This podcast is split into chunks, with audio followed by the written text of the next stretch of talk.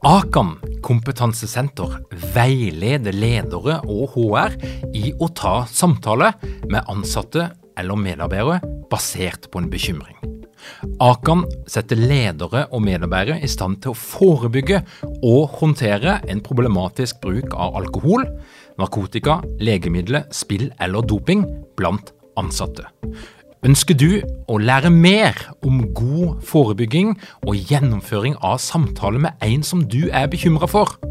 Da kan du nå få tilgang på Akan sitt digitale samtalekurs til spesialpris, kun 760 kroner.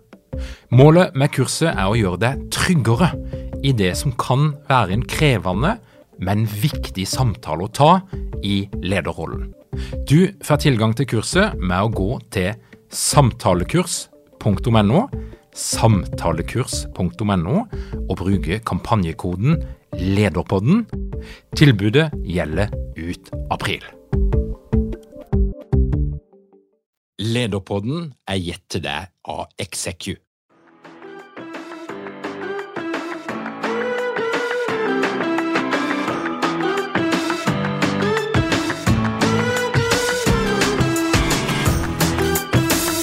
Velkommen til Lederpodden. Mitt navn er Tor Åge Eikerapen. Jeg jobber som organisasjonspsykolog, og dette her er en podkast om ledelse. Åssen skal vi jobbe framover?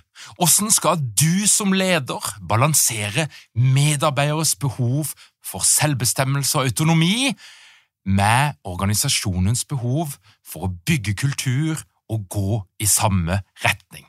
Hvordan skal vi få det fysiske og det digitale til å fungere best mulig sammen, så vi utnytter de digitale mulighetene, men samtidig anerkjenner at noen former for arbeid og samarbeid er bare best fysisk?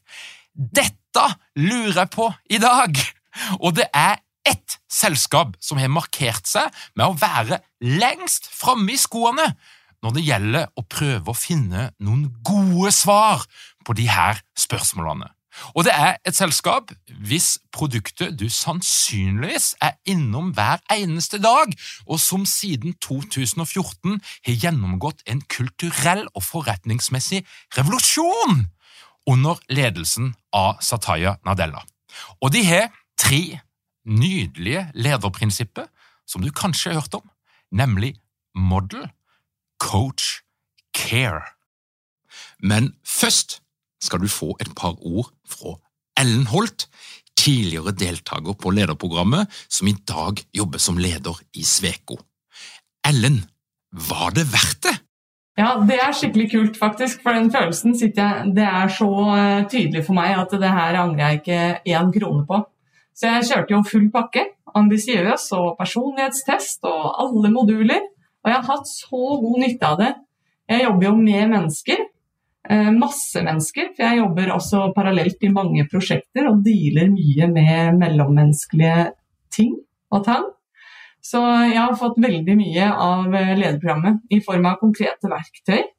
Og jeg satte også veldig pris på de breakout roomsene, hvor jeg fikk eh, på en måte kjørt meg litt da, i kleine situasjoner med andre. Hvor man også får For det første så får du brukt den kunnskapen du akkurat har fått tilegna deg, i praksis med andre, og så får du tilbakemelding med en gang. Litt sånn Kan kanskje ordlegge deg annerledes, eller eh, hvordan, hva tenker du om hvordan mottakeren tok dette? og det har vært så gull, for du har fått trent deg. Jeg har også tatt fram liksom kleine situasjoner som jeg ikke har villet snakke om. Og så har jeg tatt det da i breakout rooms og i læringsgruppe. Så jeg har virkelig lært uh, mye om det. Og for min del så handla det jo også om å få en litt sånn uh, å få en litt uh, kunnskapsgrunnvoll da, for ledelsesfaget. Og jeg har fått nyvunnen respekt for at ledelse faktisk er et fag. At det er veldig mange ferdigheter som man kan lære seg. Og som vi har hørt også fram til nå, at det altså er veldig viktig å øve.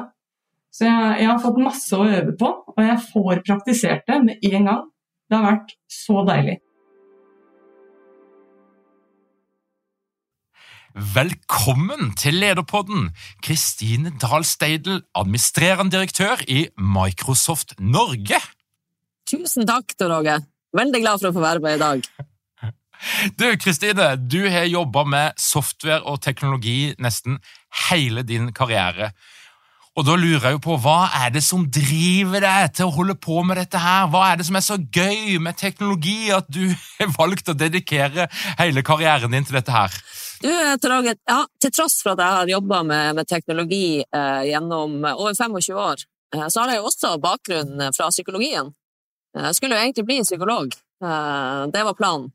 Og eh, med en tilfeldighet havna jeg inn i IT-bransjen. Um, så endra jeg litt på planen underveis og tok, eh, tok min mastergrad i organisasjon og ledelse. Men det som alltid har drevet meg, og som jeg alltid syns er utrolig spennende, det er hvordan vi mennesker opplever og driver endring. Mm.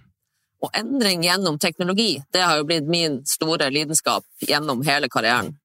Uh, og det å ha fått vært med og se hvordan teknologi har blitt en integrert del av hverdagen, og hvordan det har endra måten vi samhandler på, både privat og på arbeidsplassen, det syns jeg er utrolig spennende. Um, og i dag så diskuterer vi jo også og ser muligheter for hvordan teknologien virkelig kan være avgjørende for å lykkes med et par store samfunnsspørsmål. Mm. Uh, både den moderne arbeidsplassen som vi skal snakke om i dag, men også hvordan vi kan lykkes med det grønne skiftet. Det er fantastisk å få være med på. Men når alt kommer til alt, så handler det om mennesker. Og det er alle de flinke folkene i Microsoft som får meg til å stå opp og glede meg til å gå på jobben hver eneste dag. Du, er, Microsoft er jo et selskap som jeg ofte bruker som eksempel, så jeg må jo, jeg må innrømme noe til deg at hver uke Dette her er skikkelig skryt, men det må jo være lov før jul. Men, men hver uke så får jeg henvendelser fra sånn PR-byrået som, som, inviterer inn teknologiledere som de jobber for, altså sjefer som de ønsker å plassere på lederpodden. Og jeg sier egentlig nei til alle sammen, at de har ikke noe spennende å komme med. Men i dette tilfellet så hadde jeg jo faktisk lyst til å snakke med deg, og det handler jo om at Microsoft det, det, fra utsida iallfall så ser det ut som et selskap som faktisk er ganske opptatt av kultur og ledelse. Og jeg er jo litt sånn nysgjerrig, Nå har ikke du vært eh, i mange år i Microsoft, så, så fremdeles er du kanskje det litt sånn ferske blikket. Og det jeg lurer på, det er jo, hva, hva er det du har lært eh, gjennom å bli en del av dette her selskapet, som altså ble starta i Seattle i sin tid, tilbake igjen på begynnelsen av 80-tallet, slutten av 70-tallet? Ja, nå har jeg vært eh, litt mer enn et år i Microsoft, uh, Tor Åge. Og um, personlig så har jeg alltid tenkt på læring som en, en livslang prosess. Og alle de rollene jeg har hatt gjennom hele arbeidslivet, har jo vært med på å forme meg både som menneske og som leder. Men det du sier om kulturen i Microsoft, det var jo kanskje det som jeg syns var aller mest tiltrekkende med denne organisasjonen. For det å jobbe i en organisasjon som virkelig setter læring i høysetet, og som vi jobber med hver eneste dag, uh, det passer veldig godt med mine verdier. Men det som jeg kanskje har blitt aller mest bevisst på, og fortsatt jobber med gjennom dette året i Microsoft, det er jo hvor viktig det er for de ansatte at organisasjonens verdier gjenspeiler deres egne. Eh, det ser vi spesielt i forhold til de generasjonene som nå er på vei inn i arbeidslivet, der det er en viktig faktor når de skal velge arbeidsgiver. Og vi i Microsoft Norge vi vil være Norges beste arbeidsplass. Eh, så dette er noe som vi virkelig må ta alvorlig. Eh, og det å sørge for at vi hele tida Vi har en filosofi som vi kaller for growth mindset, og det handler om å lære noe nytt hver eneste dag. Og det gjør jeg definitivt i Microsoft. Ja, og dette her er jo en kamp da, og, og om talentet, om de flinke folkene, og dykken er jo på en internasjonal scene og konkurrerer.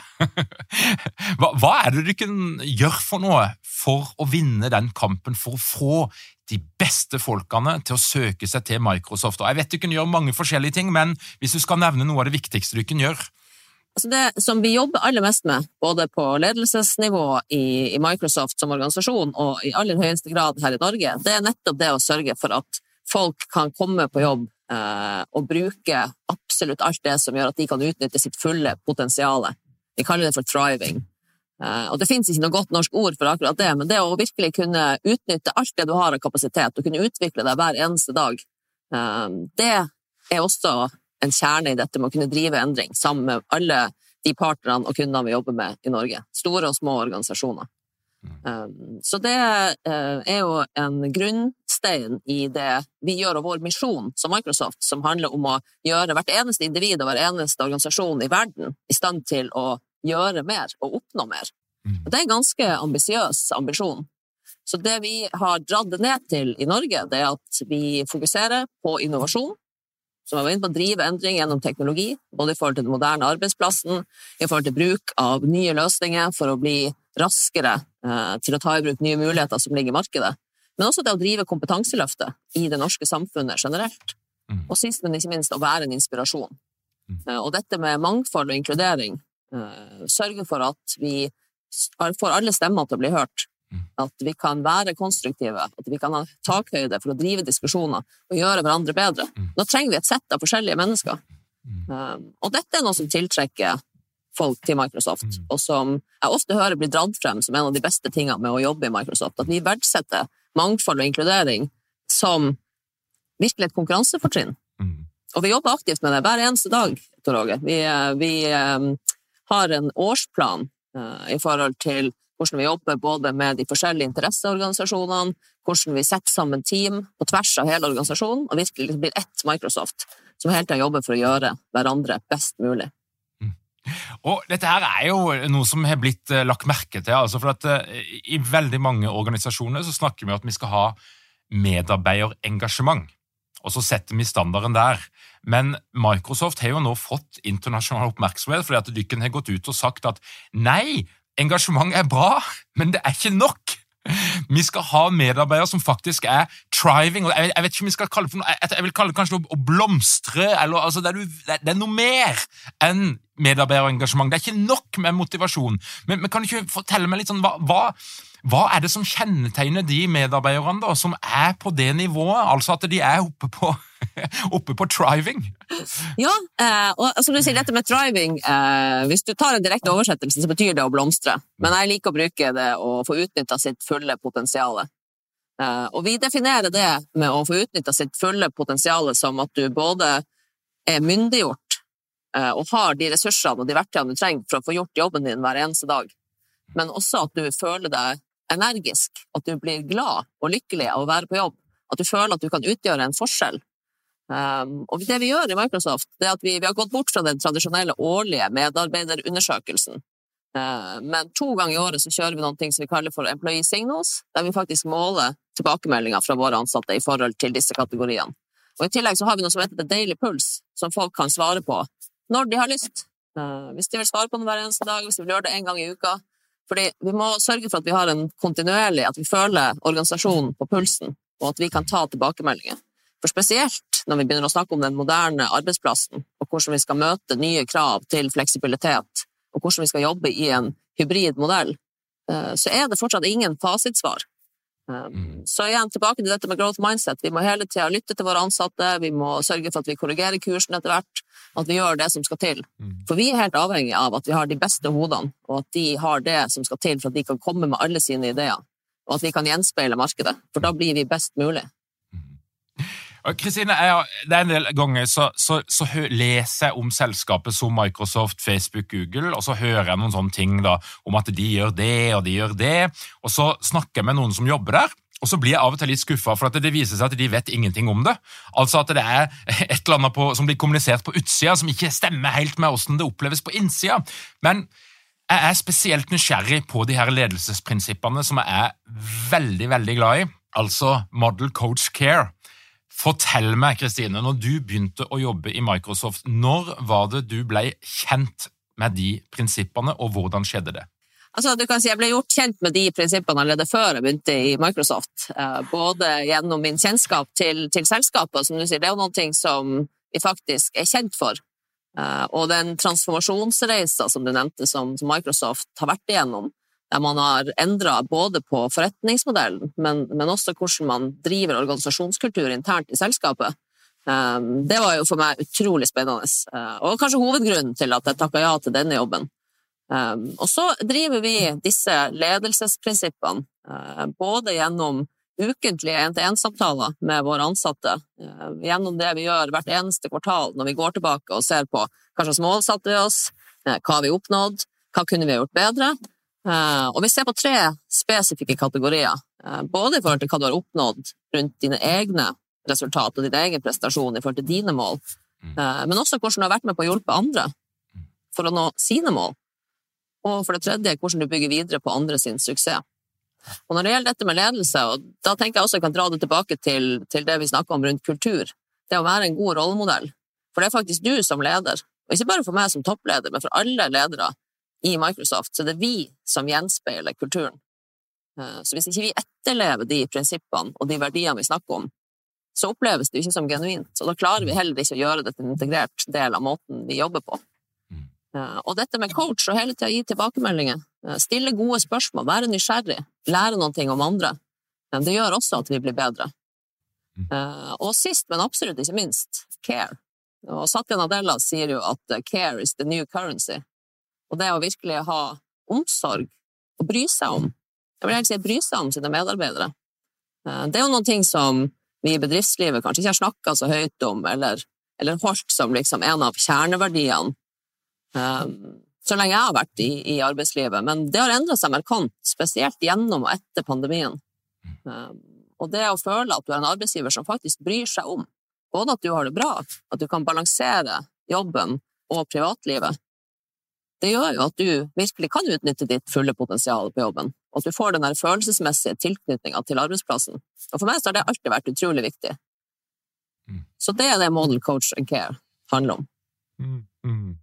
Og så er jo Microsoft er jo en kommersiell organisasjon. Dykken er knallgode på, på, salg, og jeg vil jo anta at når du jobber i Norge, så er det jo salg det, det mye handler om. Å implementere nye løsninger og, og få det til å gå framover. Og det er litt sånn nysgjerrig på åssen balanserer dere omsorg og det å stille tøffe krav? For jeg vet jo at skal du drive en salgsorganisasjon, så må du være på ballen, og du må sette resultatmål, og du må drive ganske hardt. Eh, og dere er jo en amerikansk organisasjon, og der er de gode på den slags.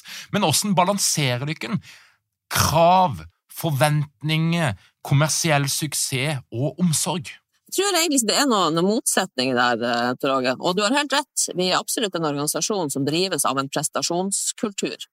Eh, og vi har eh, ambisiøse mål. Og tilbake til dette med å sørge for at hvert eneste individ og hver eneste organisasjon kan oppnå mer. Så det er klart at det er vi som må drive den innovasjonen. Det er vi som må jobbe aktivt ute i felten sammen med partnere og store og små organisasjoner for å få det til. Så det er klart at du må jo trives med å jage etter noen store, hårete mål eh, for å jobbe i Microsoft. Eh, men samtidig så er det jo sånn at det er ikke noe du gjør alene. Eh, dette er noe som vi leverer sammen. Vi snakker jo om konseptet som ett Microsoft. Eh, det er vi sammen, og da tar vi også gjerne med oss partnere og kunder. Det er sammen som driver vi disse organisasjonsendringene og de innovasjonsprosessene. Eh, og du kan gjerne stille tøffe krav og tøffe mål, samtidig som du virkelig bryr deg om folka mm. dine. Mm. Og du vil at de skal nå resultat. Mm. Og jeg vil at vi skal gjøre dette sammen. Eh, og det håper jeg at det, det gjenspeiles gjennom hele organisasjonen i Norge. Og den, den, gjengen som du sitter med i dag, og, og, og mange mennesker er det i, i, Norge? Vi er litt over 700 ansatte i Microsoft Norge. Og vi har kontorer i Oslo, Bergen, Trondheim, Stavanger og Tromsø. Det er en ganske heftig gjeng, altså? Ja, det er det. Det er en helt fantastisk gjeng. Jeg er så glad for å få lov å jobbe, jobbe med disse fantastiske folka. Kristine, vi, vi skal jo kikke litt inn i denne krystallkula. og, og eh, Dere jobber jo med ganske mye forskning, og dere prøver å se inn i krystallkula og si noe om hvordan skal vi jobbe i framtida. Det er jo en del av innovasjonen som, som dere holder på med hele tida. Og så kommer det jo en, en rapport i, i, eh, i, høst som har fått veldig mye oppmerksomhet, og det er jo gøy, tenker jeg. Og der dere er eh, Du kan både spekulere litt på hvordan framtida ser ut, og du kan komme med noen litt sånn ja, tydelige verktøy, vil jeg si, som spesielt ledere kan ha ganske god bruk for. Men kan ikke du fortelle litt at mm. 'Hybrid work is just work. Are we doing it wrong?' er tittelen på rapporten. Eh, hva er det som er mest relevant for Har dere mange ledere uten trening eller utdannelse innen ledelse? Mangler dere en felles kultur og praksis for ledelse? Ønsker dere å være bedre rustet for fremtidig vekst og endring? Da kan et internt lederutviklingsprogram være en god investering. I Execu er vi eksperter på å designe og gjennomføre bedriftsinterne lederutviklingsprogram. Hvis du ønsker å lære mer om hvordan vi kan hjelpe dykken til å få enda bedre ledere, ta og klikk deg inn på execu.no.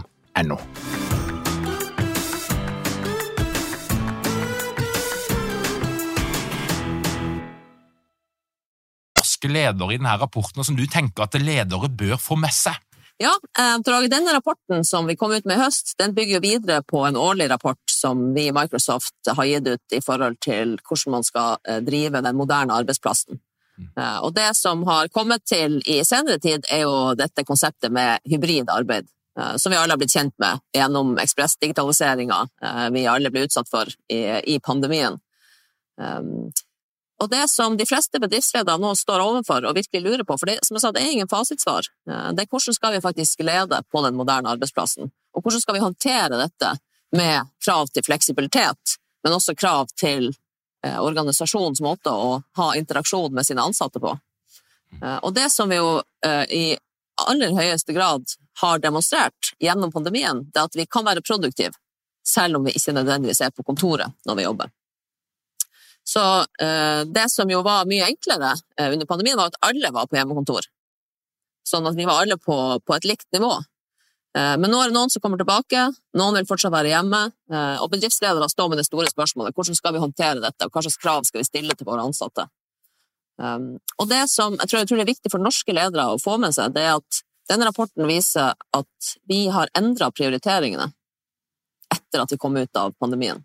De ansatte er mye mer opptatt enn noen gang i å balansere jobb og privatliv.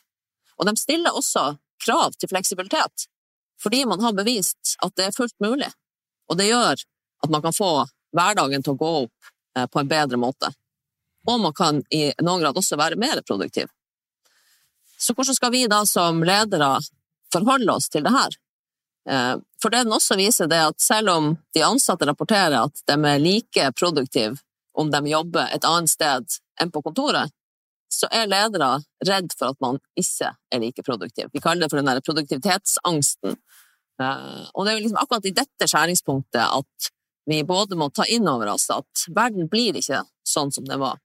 Hvis vi skal ha tak i de beste hodene, hvis vi skal sørge for at vi også kan få tak i talent utenfor liksom den store bykjernen, eh, hvis vi skal tiltrekke oss internasjonalt talent, så må vi også legge til rette for at vi oppfyller de kravene og de forventningene de stiller til sin arbeidsgiver. Ellers så får vi ikke tak i de beste folka. Mm. Så vi må legge til rette for fleksibilitet. Det er ingen vei utenom. Så spørsmålet er egentlig bare hvordan skal vi gjøre det? Eh, og da har jeg egentlig to råd til norske ledere. Og det ene det er å sørge for at du driver en tillitsbasert form for ledelse. Du må faktisk stole på at folka dine gjør det de skal. Da må du også legge til rette for at de har klare og tydelige mål, at de har mandat til å gjøre jobben sin, og at du også har en interaksjon med dem, selv om de ikke nødvendigvis er på kontoret. Eh, men den tilliten den må ligge der som et grunnfundament. Og nummer to det er å bruke teknologien og de mulighetene de gir. Og ikke bare det å bruke videokonferanse, det har vi jo alle lært oss, men også å se på hvordan man kan bruke gode samhandlingsverktøy, hvordan man kan bygge den digitale grunnmuren gjennom hele organisasjonen, sånn at de ansatte har tilgang på den informasjonen og de systemene de trenger, til enhver tid, selv om de ikke befinner seg på kontoret. Og det er ingen enkel oppgave, men teknologien ligger absolutt til rette for det. Og det er vi som ledere som egentlig må endre måten vi jobber på. Mm. Og Det som er interessant i denne rapporten, det er jo at eh, vi, vi har jo snakka om denne tilliten og kanskje trodd at den er på plass mange steder, men det som rapporten deres viser så ekstremt tydelig, det er jo at eh, de medarbeiderne dere har snakka med, de forteller at de er ofte mer produktive og minst like produktive utenfor kontoret som på kontoret, mens lederne sin antagelse og frykt er i veldig stor grad at folk ikke er eh, produktive, for de ser det ikke i det daglige, og de har ikke den samme kontrollen som de kanskje var, var vant til å ha. på en eller annen måte. Så det der gapet eh, Jeg opplevde iallfall at det var kraftigere enn det jeg hadde trodd. Mm. Ja, og det ser vi også. Eh, og det er klart at det er en, brytningsfase, eh, der vi må også sørge for at vi får nye vaner og nye rutiner på plass, eh, og at man over tid også kan få tilbake den tryggheten. Men for meg Torage, så er det sånn at jeg bekymrer meg ikke for at de ansatte jobber for lite når de er på hjemmekontor. Tvert imot så bekymrer jeg meg nå for at de jobber for mye. For det vi ser, er at veldig mange har vanskeligheter med å skille mellom når er privatpersonen og når er den ansatte når du er hjemme. Um, så vi bruker veldig mye tid på bevissthet rundt dette, og gjøre gode avtaler med de ansatte i, både i de små teamene de tilhører, og i hele organisasjonen Microsoft Norge. Og vi har sagt at vi har en 50-50-regel som rettesnor. 50% av tida vil vi gjerne at du er på kontoret, uh, fordi det er også et viktig ledd i å bygge sosial kapital. Det at du møter dine ansatte, uh, og at man opplever at det er en verdi av å komme på jobben. Og Det tenker jeg også er et godt råd til norske ledere, at man må tenke gjennom hvilken verdi skaper du for dine ansatte når de faktisk kommer på kontoret. Hva kan de lære av det? Møter de sine kollegaer? Hvordan kan de samhandle? Um, så vi lager også sånne teamavtaler, der vi blir enige om hvilke dager i uka vi er på kontoret, hvilke møter vi skal stille i rent fysisk, uh, hvordan vi kan gjøre hybrid, og hvordan vi kan gjøre som, som rene videomøter, fordi det kan være mest effektivt. Uh, og vi bruker også verktøy for å hele tida måle produktivitet. Og vi ser det at våre ansatte de er like produktive uansett om de er på kontoret, mm. eller om de er hjemme, eller om de er på reise, mm. eller om de sitter hos en partner eller en kunde. Hei, jeg heter Bård Fyn. Gjennom 15 år i Forsvaret så jobbet jeg masse i team, og det bygde opp en nysgjerrighet om hva det skal til for å få det beste ut av samarbeid. Nå forsker jeg på å undervise om eh, hvordan psykologisk trygghet kan bidra til gode teamprestasjoner. Jeg skal delta med en modul på lederprogrammet til våren, der du skal få lære om hvordan du på en praktisk måte kan lede til psykologisk trygghet. Jeg håper å se deg der. Eh, mer informasjon på lederprogrammet.no.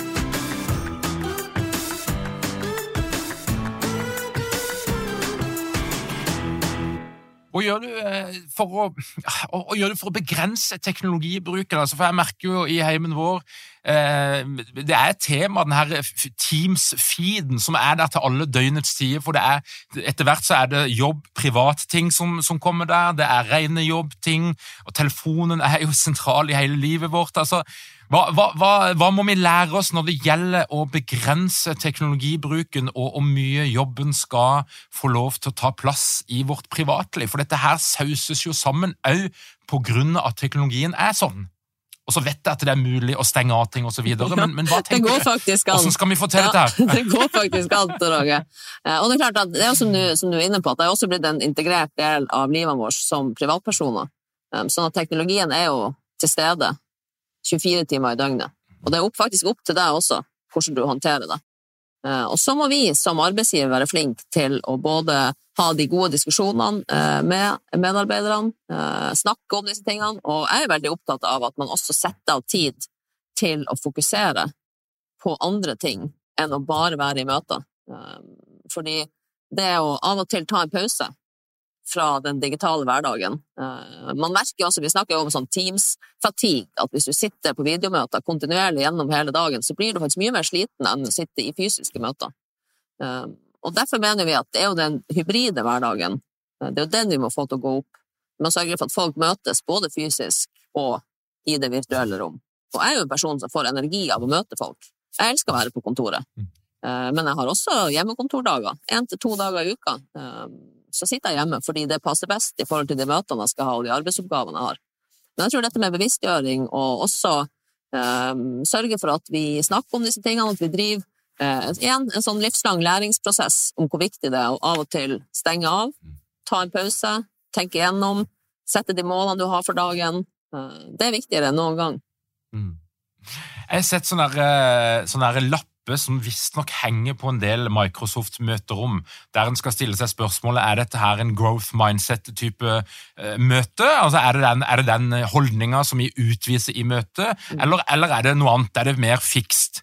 Uh, men, men, det er jeg litt sånn nysgjerrig på når det gjelder skjermbruk, for det er en sånn kjepphest som jeg har. Skjermbruk i møte mener jeg skaper distraksjon, det skaper en opplevelse av manglende anerkjennelse, og det gjør noe med amygdala inni hjernen vår eh, når vi ser at våre kollegaer sitter på skjerm samtidig som du forteller et eller annet som egentlig krever full oppmerksomhet. Um, hvordan praktiseres dette her hos dykken, som er så flinke på alt? Du, Vi eksperimenterer jo kontinuerlig med hvordan møterommene våre skal se ut, for å virkelig legge til rette for disse hybride møtene. Eh, og jeg er helt enig med deg. Hvis, hvis alle sitter med laptopen sin åpen og stirrer inn i skjermen, eh, så gjør det noen ting med de som står og presenterer et eller annet. Og det gjør også noen ting med interaksjonen eh, mellom de som både er i det fysiske rom og i det virtuelle rom. Um, så det vi gjør, vi bruker gode kameraer i møterom, sånn at man trenger ikke å ha laptopen sin med seg, man blir fanga opp av kamera, de som sitter i rommet. Uh, vi har begynt å bygge møterom som har uh, møtebord uh, der man sitter på langs og har en stor skjerm, sånn at de som man ser på video, også oppleves som en del av det fysiske rommet, Ah, og at du ser rett på dem heller enn å se inn i skjermen. Eh, Og så har vi som vi sier, vi har disse samspillsreglene våre i forhold til hybride møter. De står i hvert eneste møterom. Eh, Husk å inkludere, rekk opp hånda hvis du skal si noen ting. Sørg for at du får samspillet, og at alle føler seg som en del av møtet, uavhengig av om du er med i det virtuelle rom eller det fysiske. Og jeg, begynner med å snakke om kamera som zoomer inn på den enkelte. For jeg, for jeg, jeg leser i rapporten, at, eh, og, og som jeg er veldig tilhenger av, altså at det er én person, ett kamera, for å ikke få den der overvåkningskameraeffekten. Nå er vi veldig på detaljnivå, men jeg må jo få en liten kikk inn i framtida her. Ja, ja, og det finnes masse, masse ny teknologi, og det utvikles kontinuerlig. Kamera som blir veldig mye flinkere til å fange opp hvem som snakker akkurat der og da, så de kan zoome inn på den personen som snakker. Lyd som For det er altså god eh, bildekvalitet og god lydkvalitet, ikke minst. Det er jo helt avgjørende. Mm. Eh, du har disse uglene som står i møterommene, som plukker opp hvem som snakker, zoomer inn, snur seg etter eh, hvem det er som da har ordet.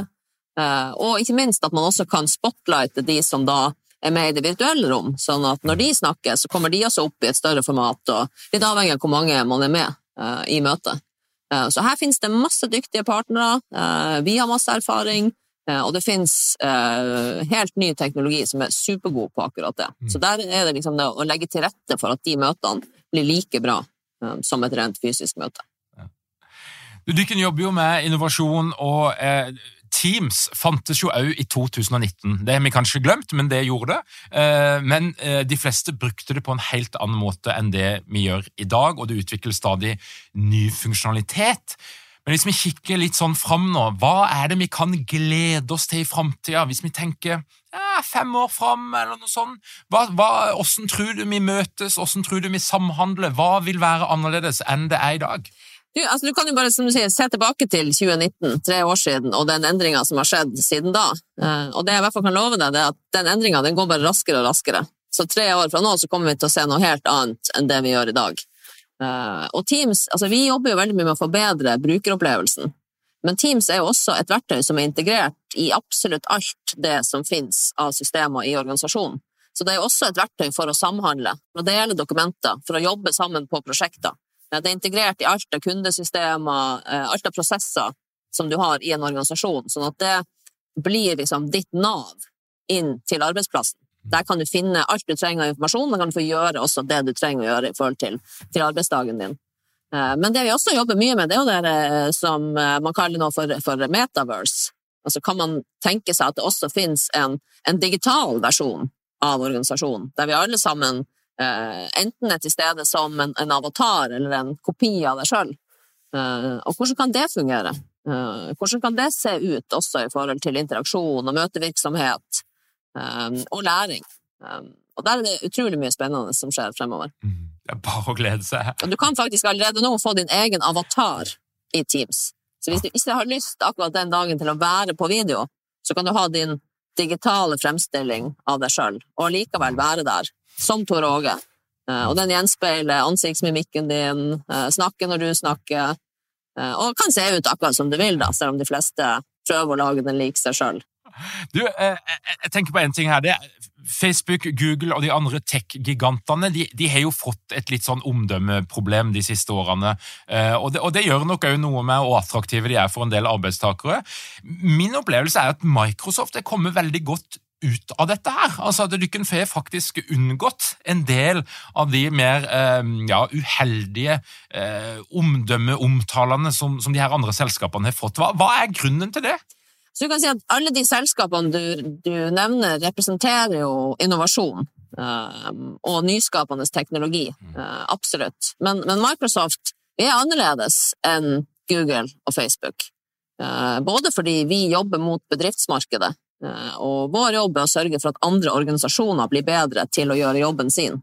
Så det vi har fokus på, det er å sørge for at bedriftssystemene blir bedre så er det også sånn at vi har helt andre prinsipper og holdninger i forhold til personvern, i forhold til etisk bruk av, av teknologi. Um, og det tror jeg er hovedgrunnene til at vi både oppfattes og er annerledes um, mm. enn de andre selskapene du nevner. Mm. Hva er dine beste råd til ledere som har lyst til å lykkes lykkes i dette her krevende prosjektet med all den nye teknologien, alle de nye mulighetene, og så skal vi samtidig skape kultur, og menneske er menneske, psykologi ja. og det digitale, det skal gå sammen. Hva, hva tenker du, hva er, Det er massevis av ledere som hører på deg akkurat nå. Hva vil du fortelle de og gi de som råd for at de skal få dette her til på en best mulig måte? Mitt aller beste råd er å tenke at dette er endringsarbeidet. Og endring, det er kjempegøy. Endring, det gir nye muligheter, og det gir rom for å alltid bli bedre. Mm. Eh, så vi må tenke på det som en endringsprosess, og også kan bruke mange av de samme prinsippene som vi alltid har gjort når vi jobber med endring i en organisasjon. Så det er nummer én. Tenk på det som en endringsprosess. Det er gøy, det er motiverende, og det motiverer folk til å bli med på laget. Uh, nummer to, det er å ha tillit til dine ansatte, og tenk på menneskene i organisasjonen og viktigheten av at de også får brukt sitt fulle potensial. Og nummer tre, det er å ta i bruk de mulighetene teknologien gir. Og der er det også viktig å lytte til innspill fra sine ansatte. For de som kommer ut fra universitetet i dag, de tenker på teknologi på en helt annen måte enn oss som har vært noen år i arbeidslivet. Nydelig. Er det, er det noe som du har lyst til å fortelle til lytterne våre som ikke jeg har spurt deg om? Altså, jeg er veldig glad for uh, din positive omtale om Microsoft. Uh, og det må jeg bare si igjen, jeg er fantastisk privilegert som får lov til å jobbe i denne organisasjonen og være med på å lede organisasjonen i Norge. Mm. Og det vi gjør i forhold til innovasjon, kompetanseheving og det å være med på å inspirere andre, uh, det håper jeg at alle vil være med på laget. Mm. For det trenger vi. Nydelig. Tusen takk for at du kom til Lederpodden. Du, tusen takk for at jeg fikk være med, Roger. Det var kjempegøy. Vi snakkes, det er jeg helt sikker på. Og til deg som hører på, du eh, kan sjekke ut eh, hvem Kristine er på LinkedIn, som jo faktisk er eid av Microsoft. og Der kan du òg finne, hvis du er litt nysgjerrig på hvordan Microsoft jobber med kultur og ledelse, så finnes det noen fine videoer og noen, nesten noen kurs der, sånn at du kan få litt innsikt i de her greiene som vi nå har snakka om. Og hvis du er nysgjerrig på alt som skjer i vårt lederunivers hos Execu, ja, da kan du komme deg inn på lederpodden.no. Legg igjen din e-postadresse, og du vil få vårt nyhetsbrev i din innboks hver eneste fredag. Og som ikke det er nok, hvis du ønsker å lære mer, ja, da vet du at vi har et lederprogram på gang. Det er hybrid, og det starter 28. februar. Det er kun 30 plasser, og du finner ut alt om det programmet på lederprogrammet.no. Takk for at du hører på Lederpodden. Vi høres igjen om ei uke.